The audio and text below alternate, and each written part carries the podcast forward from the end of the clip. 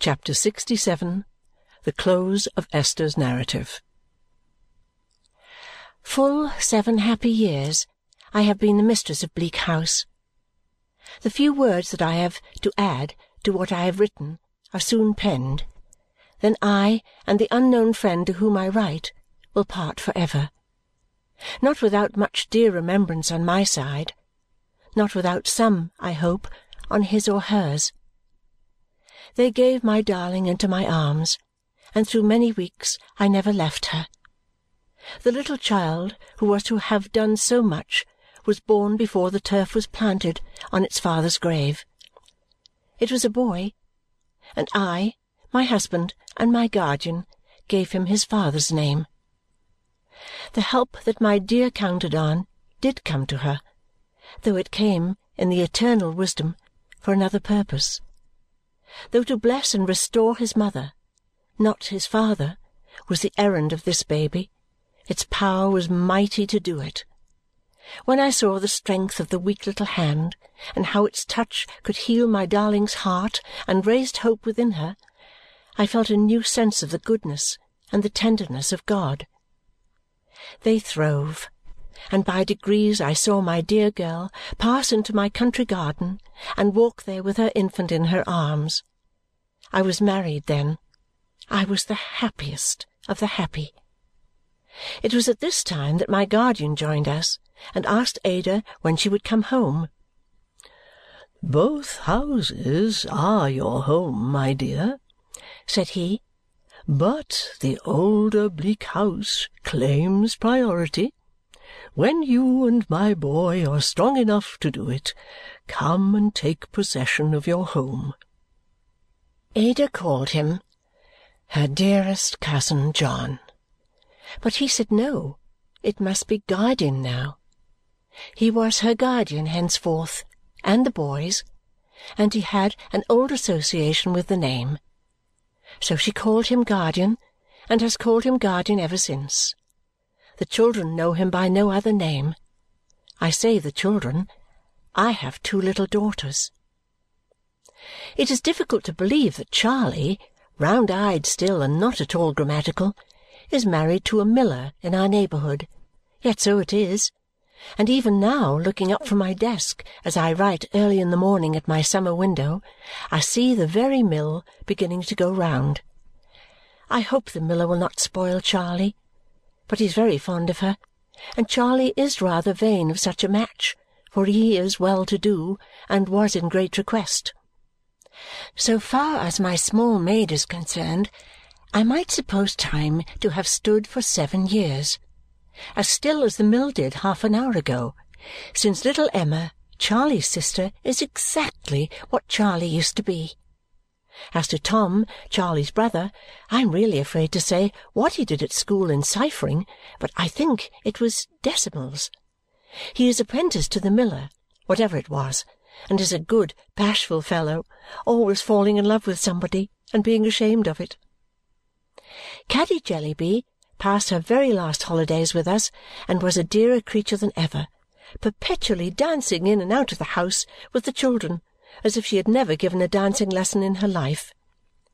Caddy keeps her own little carriage now instead of hiring one and lives full two miles further westward than Newman Street. She works very hard, her husband an excellent one, being lame and able to do very little. Still, she is more than contented and does all she has to do with all her heart. Mr. Jellyby spends his evenings at her new house with his head against the wall as he used to do in her old one. I have heard that Mrs. Jellyby was understood to suffer great mortification from her daughter's ignoble marriage and pursuits, but I hope she got over it in time. She has been disappointed in Borrioboola Gha, which turned out a failure in consequence of the king of Borrioboola wanting to sell everybody who survived the climate for rum. But she has taken up with the rights of women to sit in Parliament, and Caddy tells me it is a mission involving more correspondence than the old one. I had almost forgotten Caddy's poor little girl. She is not such a mite now, but she is deaf and dumb. I believe there never was a better mother than Caddy who learns, in her scanty intervals of leisure, innumerable deaf and dumb arts to soften the affliction of her child. As if I were never to have done with Caddy, I am reminded here of Peepy and old Mr. Turveydrop. Peepy is in the custom house and doing extremely well.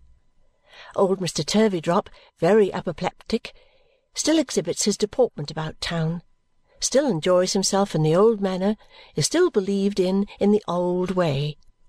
He is constant in his patronage of Peepy and is understood to have bequeathed him a favourite French clock in his dressing-room, which is not his property.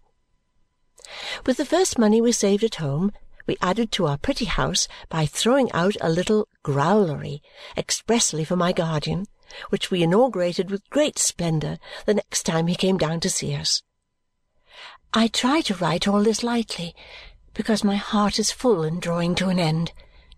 But when I write of him, my tears will have their way. I never look at him, but I hear our poor dear Richard calling him a good man. To Ada and her pretty boy he is the fondest father. To me he is what he has ever been, and what name can I give to that? He is my husband's best and dearest friend. He is our children's darling. He is the object of our deepest love and veneration. Yet while I feel towards him as if he were a superior being, I am so familiar with him and so easy with him that I almost wonder at myself. I have never lost my old names, nor has he lost his, nor do I ever, when he is with us, sit in any other place than in my old chair at his side. Dame Trot, Dame Durden, little woman, all just the same as ever, and I answer, Yes, dear guardian, just the same. I have never known the wind to be in the east for a single moment since the day when he took me to the porch to read the name. I remarked to him once that the wind seemed never in the east now, and he said no, truly, it had finally departed from that quarter on that very day. I think my darling girl is more beautiful than ever. The sorrow that has been in her face, for it is not there now, seems to have purified even its innocent expression and to have given it a diviner quality. Sometimes when I raise my eyes and see her in the black dress that she still wears, teaching my Richard, I feel it is difficult to express as if it were so good to know that she remembers her dear Esther in her prayers. I call him my Richard, but he says he has two mammas, and I am one. We are not rich in the bank, but we have always prospered, and we have quite enough. I never walk out with my husband, but I hear the people bless him. I never go into a house of any degree, but I hear his praises or see them in grateful eyes. I never lie down at night, but I know that in the course of that day he has alleviated pain and soothed some fellow creature in the time of need.